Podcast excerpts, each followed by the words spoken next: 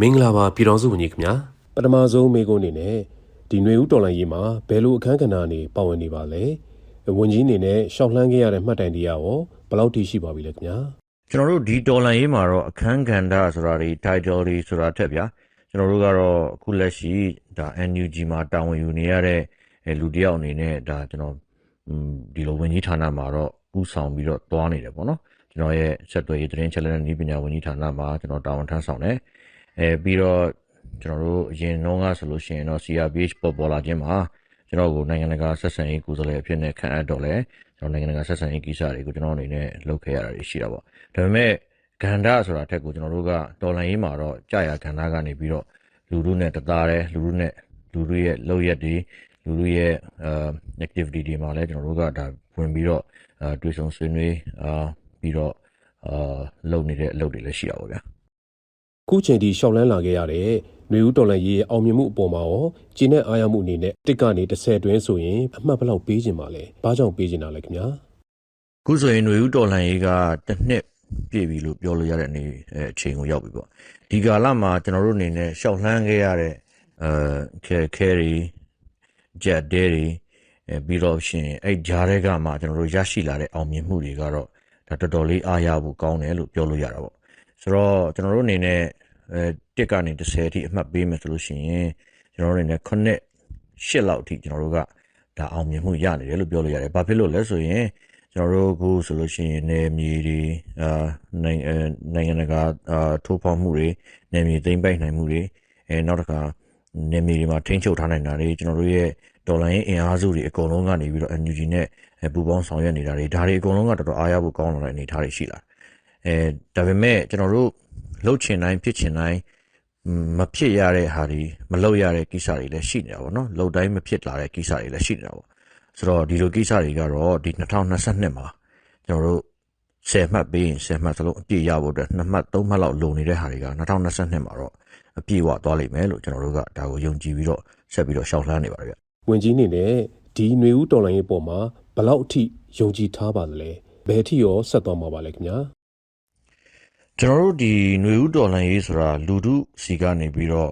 ပေါက်ဖွာလာတဲ့တော်လှန်ရေးလို့ပြောရမယ်ဆိုရင်မမှားဘူးပေါ့ဗျာဒီအာနာသိမ့်ပြီးကြတဲ့ကနော်လူထုကနေစကြတဲ့တော်လှန်ရေးပေါ့အဲ့ဒီတော်လှန်ရေးနဲ့အတူတူကျွန်တော်တို့ CRPH NUG NUCC ဆိုတာတွေလည်းပေါ်ထွက်လာတယ်အဲ့တော့လူထုပေါ်မှာကျွန်တော်တို့ကယုံကြည်မှုအပြည့်ရှိတယ်လူထုဒီမမိတ်မတုံဒီတော်လှန်ရေးကိုဆက်ပြီးတော့တွားနေတယ်ဥဆောင်နေတယ်နော်လူထုရဲ့အင်အားတွေရှိနေသေး၍ကျွန်တော်တို့ရဲ့တော်လှန်ရေးကမကြဆုံးမဲနဲ့ကျွန်တော်တို့ကဒါ ဆက်ပြီးတော့အောင်ပွဲတွေရနေမှာဖြစ်တယ်။အဲဒီတော့လူထုပါဝင်နေသေး၍လူထုကဥဆောင်နေသေး၍ကျွန်တော်တို့ NUG NUCC CRPH ဆိုတာတွေကလူထုနဲ့အတူတူလက်တွဲပြီးတော့ဆောင်ရွက်နေသေး၍ကတော့ဒီဒေါ်လာရေးကဒီနေ့မှာတော့ကျွန်တော်တို့အောင်မြင်မှုပန်းနိုင်ကိုရောက်ရမယ်ကျွန်တော်တို့လိုချင်တဲ့ Federal Democracy စနစ်ကိုလူ့အခွင့်အရေးစံချိန်စံညွှန်းတွေနဲ့အတူတူရောက်မယ်ဆိုတာကိုကျွန်တော်တို့ယုံကြည်မှုအပြည့်အဝရှိရပြ။ဘာဖြစ်လို့လဲဆိုတော့လူထုနဲ့အတူတူတော်လှန်နေတဲ့တော်လှန်ရေးဖြစ်လို့ပဲ။ ပြည်သူတွေကိုရောရှေ့ဆက်ဖို့အတွက်ဘယ်လိုမျိုးစိတ်သက်ခွန်အားတွေပေးခြင်းပါလဲ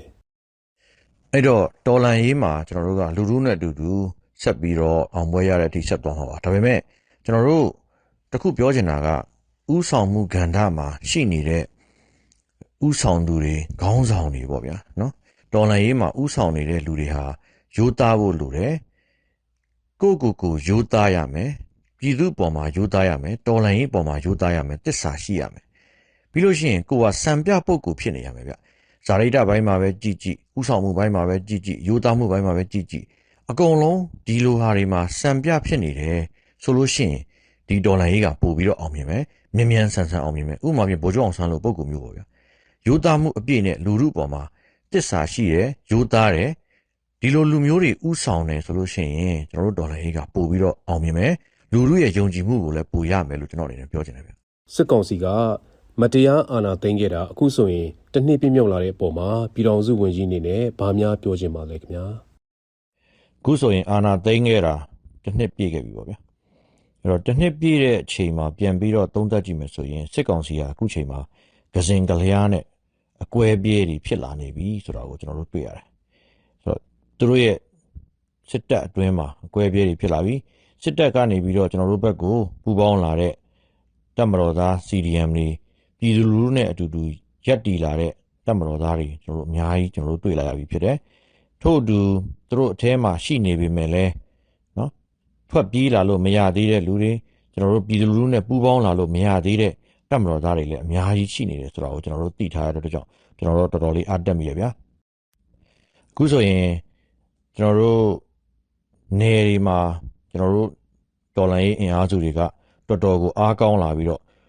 ထပ်ထပ်ပြီးတော့ပူးပေါင်းလာတဲ့လူငယ်တွေမျိုးဆက်သစ်တွေနော်တော်လိုင်းရေးအင်အားစုတွေကပိုပိုပြီးတော့များပြားလာတာကိုလည်းကျွန်တော်တို့တွေ့ရတယ်။ဒါဟာကျွန်တော်တို့ရဲ့တော်လိုင်းရေးအောင်မြင်မဲ့နမိတ်တွေပဲ2022ခုနှစ်မှာတော့ကျွန်တော်တို့ရဲ့တော်လိုင်းရေးကဒီလိုလူတို့ရဲ့အင်အားပူးပေါင်းပါဝင်မှုခေါင်းဆောင်မှုတွေနဲ့နော်ရိုးသားတဲ့ခေါင်းဆောင်တွေကတော့ရဲရင်းတဲ့ခေါင်းဆောင်တွေလူထုတွေကနေပြီးတော့ပဲပေါ်ထွက်လာတဲ့ခေါင်းဆောင်တွေတိုက်ပွဲကြားကပေါ်ထွက်လာတဲ့ခေါင်းဆောင်တွေရဲ့ဥဆောင်မှုနဲ့အတူတူကျွန်တော်တို့ကစစ်ကောင်စီကိုတော့ဒီ 2022ခုနှစ်မှာဖြိုချနိုင်မယ်လို့ကျွန်တော်တို့ကယုံကြည်ပြီးသားဗျအဲ့ဒီယုံကြည်ချက်နဲ့အတူတူကျွန်တော်တို့ကဆက်လက်ပြီးတော့တိုက်ပွဲဝင်သွားမယ်2022ဟာကျွန်တော်တို့ရဲ့အောင်ပွဲနှစ်ဖြစ်ရပါမယ်စစ်ကောင်စီကိုဖြုတ်ချပြီးတော့ကျွန်တော်တို့ရဲ့ Federal Democracy နိုင်ငံတော်သက်စီကိုတွားနိုင်မယ့်နှစ်လို့တော့ကျွန်တော်တို့ယုံကြည်တယ်ဗျဒါကြောင့်ပြန်ချုပ်ရမယ်ဆိုရင်ကျွန်တော်တို့ NUG NUCC CRPH ဆိုတော့ကျွန်တော်တို့ရဲ့အစိုးရ မန်တိုင်တွေကဥဆောင်ပြီးတော့မြားဥမှာတော်လိုင်းရေးမြားဥမှာရှိနေသလိုတိုက်ပွဲကြားကနေပေါ်ထွက်လာတဲ့ခေါင်းဆောင်တွေအကုန်လုံးနဲ့ပူးပေါင်းဆောင်ရွက်ကြမယ်လူတူကြီးကလည်းတသားတည်းပူးပေါင်းဆောင်ရွက်ကြမယ်တိုင်းရင်းသားတွေအကုန်လုံးနဲ့လည်းကျွန်တော်တို့ပူးပေါင်းဆောင်ရွက်ကြမယ်ဆိုရင်ကျွန်တော်တို့လိုချင်တဲ့ပန်းတိုင်ကဒီနှစ်မှာ2022မှာရရှိမယ်လို့ပဲကျွန်တော်ကတော့ညီကုန်းချုပ်ပြောချင်ပါတယ်ဗျဟုတ်ကဲ့ပါခင်ဗျာ အခုလိုအာနာသိန်းတစ်နှစ်ပြည့်အစီအစဉ်မှာຫນွေဦးတော်လိုင်းရေးနဲ့ပတ်သက်လို့ပြည့်ပြည့်စုံစုံဖြေကြားပေးခဲ့တဲ့အတွက်ဆက်သွယ်ရေးသတင်းအချက်အလက်နဲ့နေပညာဝန်ကြီးဌာနပြည်ထောင်စုဝန်ကြီးကိုကျေးဇူးအထူးပဲတင်ရှိပါရခင်ဗျာ